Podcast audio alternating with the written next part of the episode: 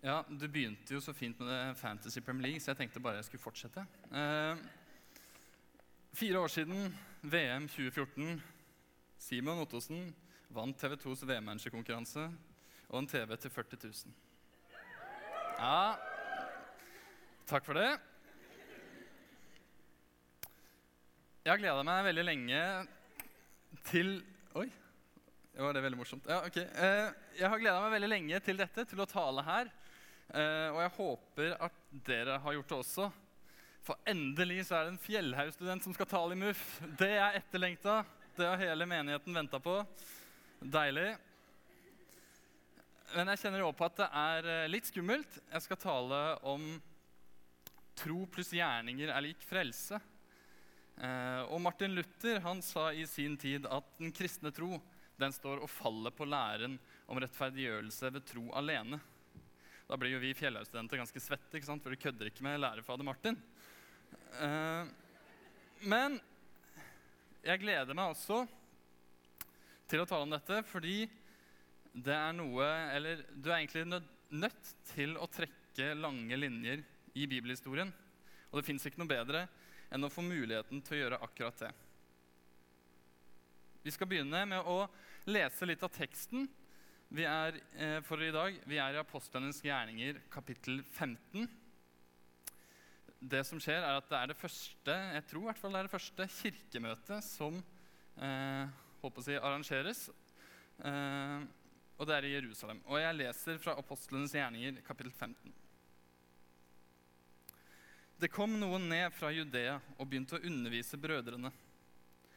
Hvis dere ikke følger den skikken vi har fra Moses, og lar dere omskjære, kan dere ikke bli frelst. Dette førte til konflikt og et heftig ordskifte mellom dem og Paulus og Barnabas. Da besluttet de at Paulus og Barnabas og noen av de andre skulle reise opp til Jerusalem og legge stridsspørsmålet fram for apostlene og de eldste. Menigheten sendte dem av sted, og de reiste gjennom Fønikia og Samaria. Til stor glede for alle søsknene som var der, fortalte de hvordan hedningene hadde vendt om. Da de var kommet fram til Jerusalem, ble de mottatt av menigheten, apostlene og de eldste. Og de fortalte dem om alt Gud hadde gjort gjennom dem. Men noen fra fariserpartiet som hadde kommet til tro, sto fram og hevdet de må omskjæres og pålegges å holde Moseloven. Så kom apostlene og de eldste sammen for å drøfte saken. Etter et hardt ordskifte reiste Peter seg og sa til dem.: Brødre, dere vet at Gud for lenge siden utvalgte meg blant dere, så hedningene skulle få høre evangeliets ord av min munn og komme til tro. Og Gud, som kjenner menneskets hjerte, ga dem sitt vitnemål ved at de fikk Den hellige ånd slik som vi. Han gjorde ingen forskjell på oss og dem, for ved troen renset han hjertene deres. Hvorfor utfordrer dere da Gud å legge på disiplenes nakke et åk som verken våre fedre eller vi har maktet å bære? Nei, vi tror at vi blir frelst av Herren Jesu nåde, vi på samme måte som de. Da ble hele forsamlingen stille, og de hørte på Barnabas og Paulus, som fortalte om alle de tegn og under Gud hadde gjort blant hedningene gjennom dem.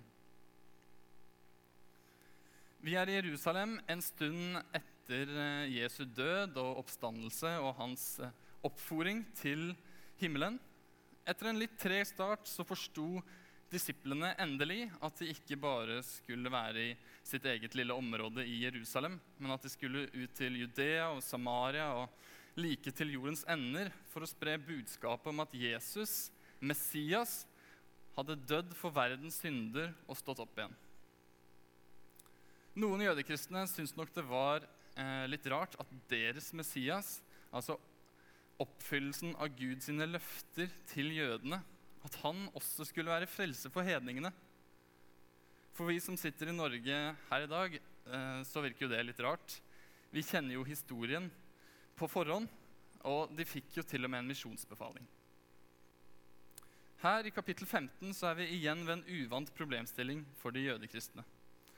For nå har ikke-jøder begynt å tro på denne Messias. Og da kommer spørsmålet skal de da pålegges å holde Moseloven. Må de omskjæres? Selvfølgelig, tenker noen. De tror jo på Israels gud, de òg. Og Israels gud har gitt en lov, Moseloven. Og den skal man holde. hvis man vil være en del av gudsfolket. Og For oss i lille Norge så virker jo dette enda særere enn det første eksempelet. Og man omskjæres for å bli frelst. Hvorfor insisterer man på en slik brutal og barbarisk skikk? Hvis vi skal forstå denne debatten, så må vi hoppe noen tusen år tilbake i tid. For dette er ikke en debatt som primært handler om omskjæring. Det er en debatt som handler om, Guds, handler om loven som Guds gode gave til jødene. Det handler om synet på mennesket. Og det handler om hva evangeliet er, og hva evangeliet gjør. Vi må begynne med Adam og Eva. De to første menneskene de hadde sitt hjem i Edens hage, og de koste seg der en liten stund. De fikk et bud av Gud, og så brøyt de det budet med en eneste gang. Og det førte til at de ble bortvist fra hagen. Og etter det så er egentlig de neste kapitlene bare skrekk og gru. Menneskeheten gjør bare dumme ting, og Gud sitter oppe i himmelen og river seg i håret. Verden har gått av hengslene. Men så plutselig, i kapittel 12 så, i første Mosebok, så skjer det ting. For Gud har ikke tenkt å skrote menneskeheten, har ikke tenkt å skrote planeten. Han har en plan. Så han utvelger en fyr som heter Abraham, og gir Abraham et løfte. Han sier at Abraham sitt folk de skal være en stor slekt. Han skal få mange etterkommere. Og gjennom Abrahams slekt så skal hele jorden velsignes, sier Gud. Så Abraham og Gud de inngår en pakt på dette. Og tegnet på pakten, det er omskjærelsen. Og det var ikke bare tegnet på pakten mellom Abraham og Gud, det var tegnet på pakten mellom Gud og Abrahams folke. Så alle som var i Abrahams ett, skulle bli omskjært. Så må vi hoppe noen hundre år fram i tid. Abrahams løfte virker fjernt. Israelittene de er i Egypt. De er slaver i Egypt. Men så kaller Gud Moses, og Moses fører sitt folk ut av Egypt. Men Gud han ønsker ikke bare å redde israelsfolket. Fordi israelsfolket de er en del av Abrahams slekt. Det er Abrahams etterkommere. De skal velsigne hele verden. Derfor vil han noe mer enn å bare redde dem. Så da de kommer til Sinai-fjellet, så sier Gud ok, jeg har lyst til å stifte pakt med dere. Jeg har lyst til å være deres Gud, og dere skal være mitt folk. Å, det er israelittene klar for det. Og det er jo ikke så rart. Han har jo reddet dem ut av Egypt. Og Israel skal ikke være bare som alle andre land. De skal være et unikt og hellig folk. De skal være hellige fordi Gud er hellig. Og ved deres oppførsel så skal nasjonene rundt kunne se på dem og se hvordan Gud er. På den måten skal hele verden velsignes. Og Derfor var det, så, var det veldig mange merkelige regler i denne Moseloven, i Guds lover til Israel. Deriblant omskjærelsen. Det var kanskje den fremste av dem. Men det var noe som definerte jøden som jøde. Og For moderne lesere så virker Moseloven ganske stress. Altså, Etter jødisk tradisjon så finnes det 613 forskjellige lover i Mosebøkene. Og det er ikke bare sånne eh, ok lover som 'du skal ikke slå i hjel'. Greit, det skal jeg klare. Men, men det er lover for alle mulige ting. Det virker som de bare går rundt og holder loven hele tiden. Men jødene de tenkte ikke sånn. De var stolte av loven, og de var stolte av omskjærelsen. De så på loven som Guds gode gave. Noen jøder tenkte at loven det var den ypperste form for fornuft andre tenkte at loven det var den som måtte til for å kunne leve et perfekt liv. Og mange jøder tenkte ca. sånn her. Gud han ga løfter til Abraham. Og Gud ga lover til abrahamsfolket. Så dersom du vil arve løftene til Abraham, så må du følge loven. Det er forholdsvis logisk. Og Da er det kanskje, kanskje ikke så rart at disse fra Judea mente at hedningkristne også måtte omskjæres.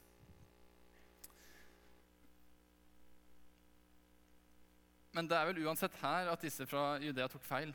Altså, Greit nok at de tenkte at de måtte omskjæres, men loven den kan ikke frelse noen, og loven er i hvert fall ikke god. Peter sier det i vers 10. Hvorfor legger dere på disiplenes nakke et åk som verken våre fedre eller vi har maktet å bære? Loven er et eneste ork, rett og slett. Men disse fra Judea de har faktisk helt rett i at loven er god. Paulus, som er med på dette apostelmøtet, han sier det sjøl. Budet er hellig, og loven er hellig, rett og god, sier han. Det står det i romerbrevet. Loven er god. Og hvis loven er god, så må vel omskjærelsen være god, da det er en del av loven. Så hvorfor må ikke hedningkristne omskjæres? Og det er her det er viktig at vi forstår at for Paulus og for Peter så er det ikke selve omskjærelseshandlingen som er problemet. Paulus omskjærer jo faktisk Timoteus seinere i apostlenes gjerninger for at han lettere skal bli akseptert av jødene. Så omskjæringen i seg selv er ikke problemet. Problemet er at disse fra Judea de har ikke forstått evangeliet. De har ikke forstått hva som er menneskets problem, og de har ikke forstått hvorfor Jesus måtte komme. Da jeg var 13-14 år gammel, så gikk jeg på Spydeberg ungdomsskole. Vi snakker om en åtte-ni år siden da teknologien virkelig begynte å gjøre seg gjeldende. Tidligere hadde vi sittet med skrivebøker i hver time, men nå brukte vi mer og mer PC. Men vi hadde ikke med vår egen PC, vi fikk låne skolens. Og En gang i 8. klasse så skulle vi ha en gruppeoppgave i naturfag. Vi skulle jobbe sammen to og to, og jeg kom på gruppe med en fyr som heter Dag. Og Dag han var en jovial og blid type, men spesielt skoleglad eller skoleflink det var han ikke. Så han var ikke så keen på å jobbe, eh, og derfor hadde han et triks i ermet. Han kunne nemlig en tastekombinasjon på disse skole-PC-ene som gjorde at PC-en restartet hvis han holdt de tastene inne. Da. Så hans geniale plan det var at når læreren kom bortover mot slutten av timen, så før hun fikk se på PC-en, så skulle han trykke inn disse tastene, og så skulle PC-en PC eh, restarte, og da skulle vi bare plutselig miste alt arbeidet ikke sant? Fordi med mindre man hadde lagra på forhånd, så mista man alt. Mot slutten av timen så kom læreren bort. Dag trykka en tastekombinasjon og stønna høyt 'nei'. Og jeg husker dessverre ikke helt hva som skjedde etter dette. Men Dag var verken en ypperlig skuespiller eller en eh, pliktoppfyllende elev. Så jeg tviler på at hun trodde på oss. Uansett så ble vi her gitt et hjelpemiddel som skulle gjøre det lettere for oss å ha presentasjon. PC-en. Men så misbrukte jeg og Dag denne PC-en. Og så viste det seg at det var mye mer stress å få PC enn å bare ha skrivebok. For med skrivebok så gjorde vi jo i hvert fall noe. Mens nå endte vi opp med å ikke gjøre noen ting. Men PC-en var ikke problemet. Jeg har ikke et vondt ord å si om Dag. Veldig fin fyr. Men det var han og passive Simeon som satt ved siden av, som var problemet. Vi så det var en sjanse til å slippe unna arbeidet, og misbrukte PC-en, som i utgangspunktet var en veldig fin ting. Og På samme måte er det med Mosloven. Det er ikke noe feil med loven, den er god. Men når den skal brukes av oss mennesker, så blir resultatet helt krise. For loven fikser ikke problemet. Loven er god, men loven fikser ikke problemet. Og problemet, det er mennesket selv eller det Paulus liker å kalle synden. Og når vi tenker eh, synd, så tenker vi på de små individuelle handlingene. Sånn er det synd, og, eller hvor langt går grensa? Hvor mye kan jeg tøye strikken? Men for Paulus så er synden en mye større greie enn det. For han er en sånn overnaturlig nesten makt som har kontroll på mennesket. Så mennesket er fanga av synden. Og dette illustreres veldig godt ved Eh, Sinai, eh, ved, av israelsfolket ved Sinai-fjellet, som jeg snakket om i stad. Mennesket er fanga av synd. For Moses han hører med israelsfolket om de er klare for å stifte pakt. Og israelsfolket i 2. Mosebok 19,8 de svarer i kor alt det Herren har sagt, det vil vi gjøre. Deretter går Moses opp på Sinai-fjellet. Han får de ti bud av Gud, og, han, eh, og etter det så blir det presentert enda flere lover. Og i den første historien, etter at alle disse lovene er presentert, så får vi en historie om at Israel bryter de to første budene. Og Når du sitter og leser historien, så er det egentlig litt absurd. Her har Gud reddet dette folket ut av Egypt, og det første de gjør, det er å bryte Guds lov. Og så har de nettopp sagt at de skal holde alt som Gud sier. Det er bare helt vilt. Og én ting hadde vært om dette var liksom en engangshendelse. Men dette mønsteret fortsetter gjennom Mosebøkene. De får litt mer lover av Gud, og så bryter de de. Og så får de enda mer lover av Gud, og så bryter de de òg. Og så fortsetter det, og så fortsetter det.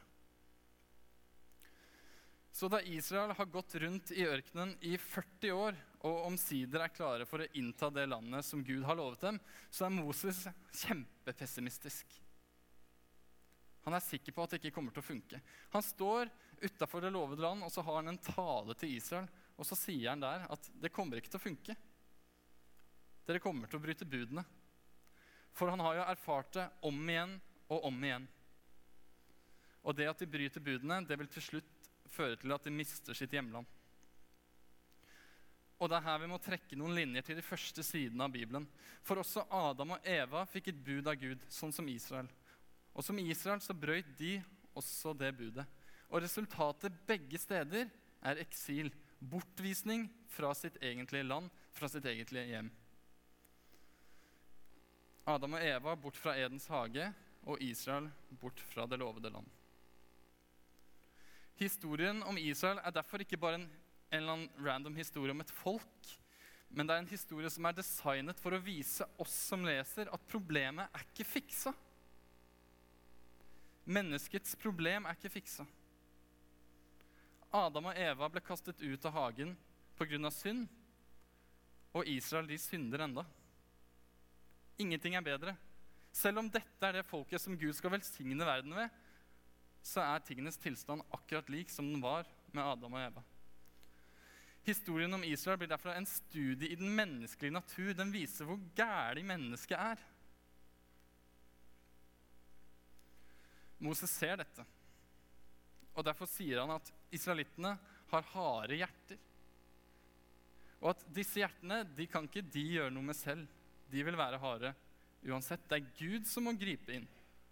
Gud må selv handle og endre folks hjerte.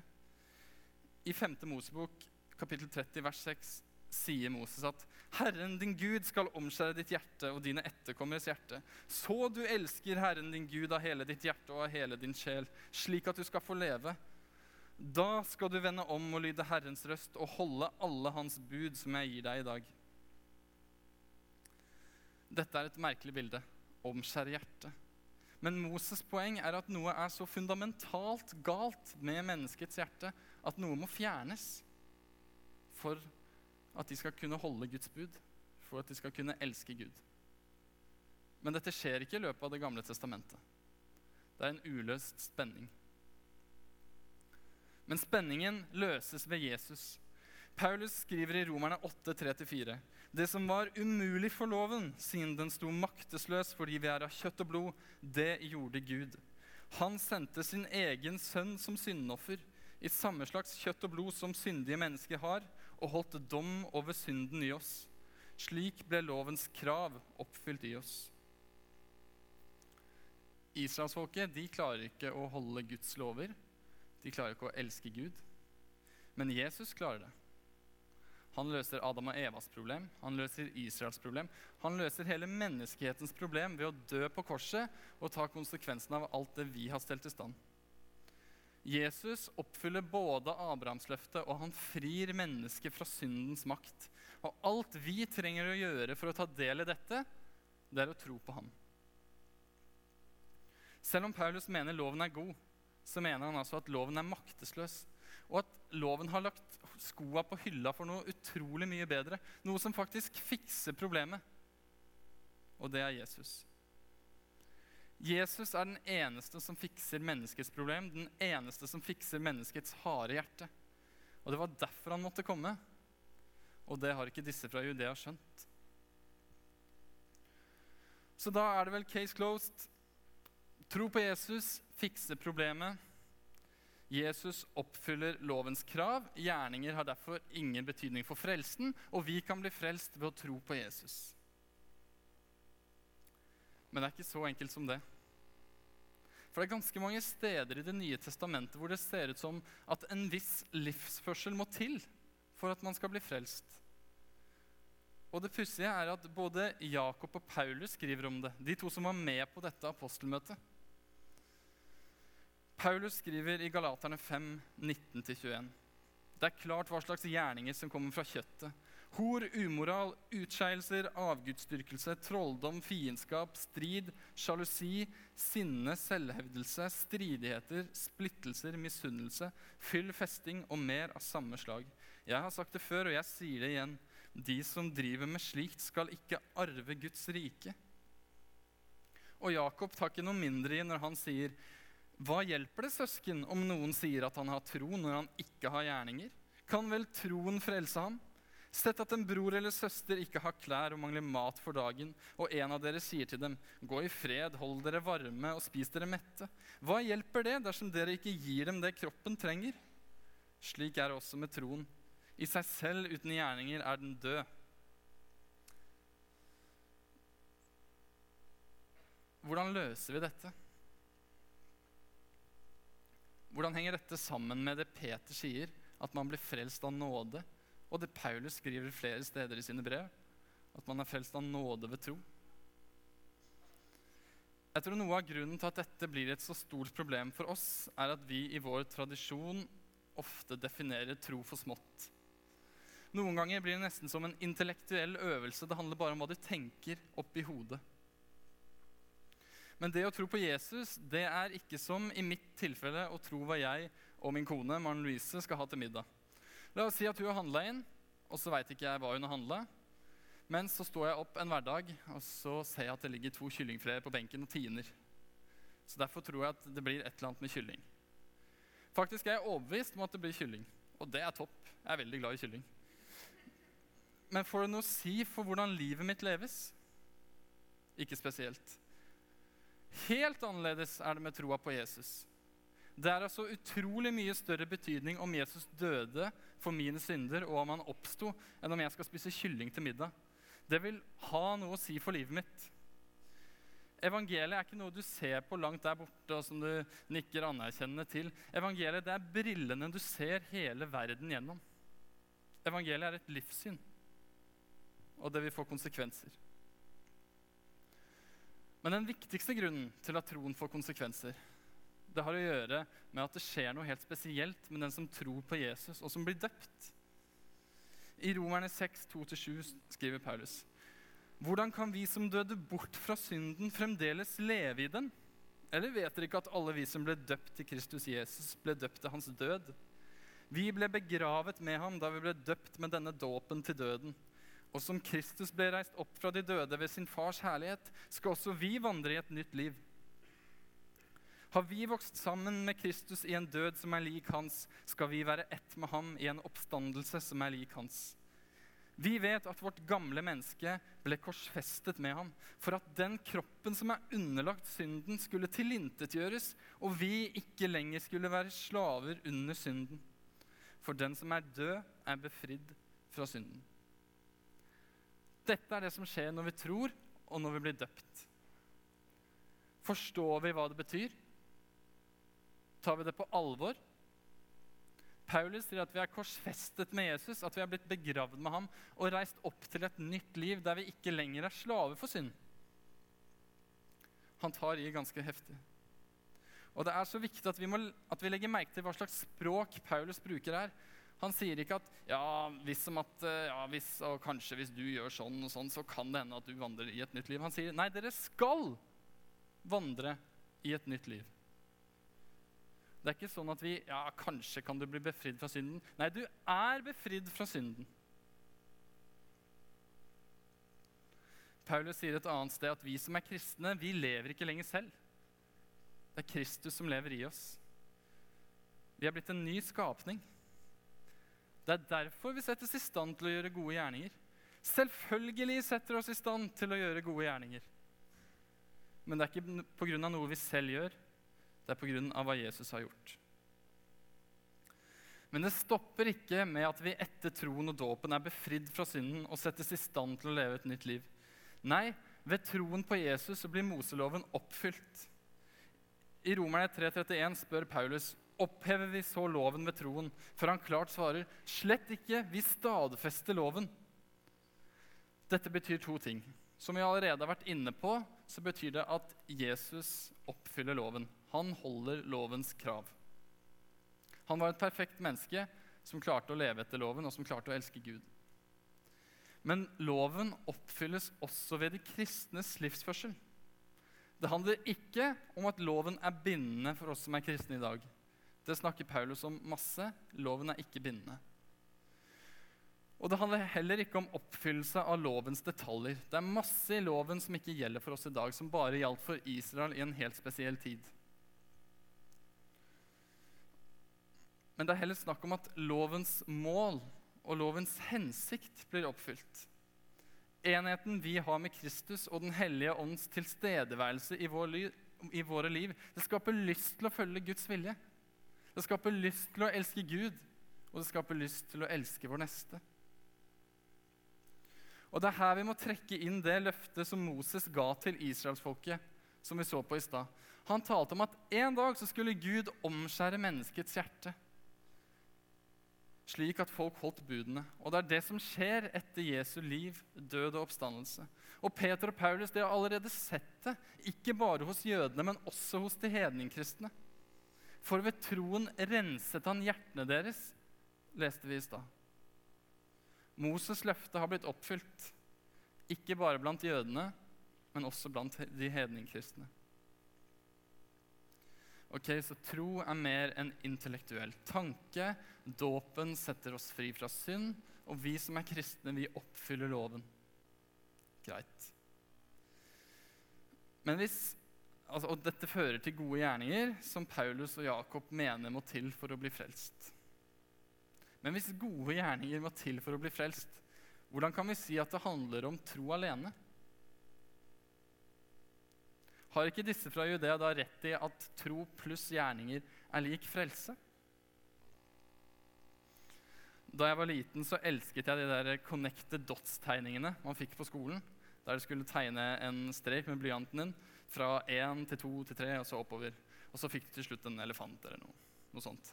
Det var helt fantastisk for en mann blottet ok, mann var et hai, gutt, blottet for kunstneriske friheter. For du trengte jo bare å følge punktene oppover. Men til gjengjeld så var det jo veldig viktig at du fulgte punktene oppover. For selv om du var innom alle punktene, så betyr ikke det at det ble en elefant. Hvis du ikke fulgte punktene fra 1, 2, 3, 4 og 5 oppover, så ble resultatet helt feil. Og det er akkurat det som har skjedd med disse fra Judea. Ja, de har med alle punktene, men rekkefølgen er helt feil.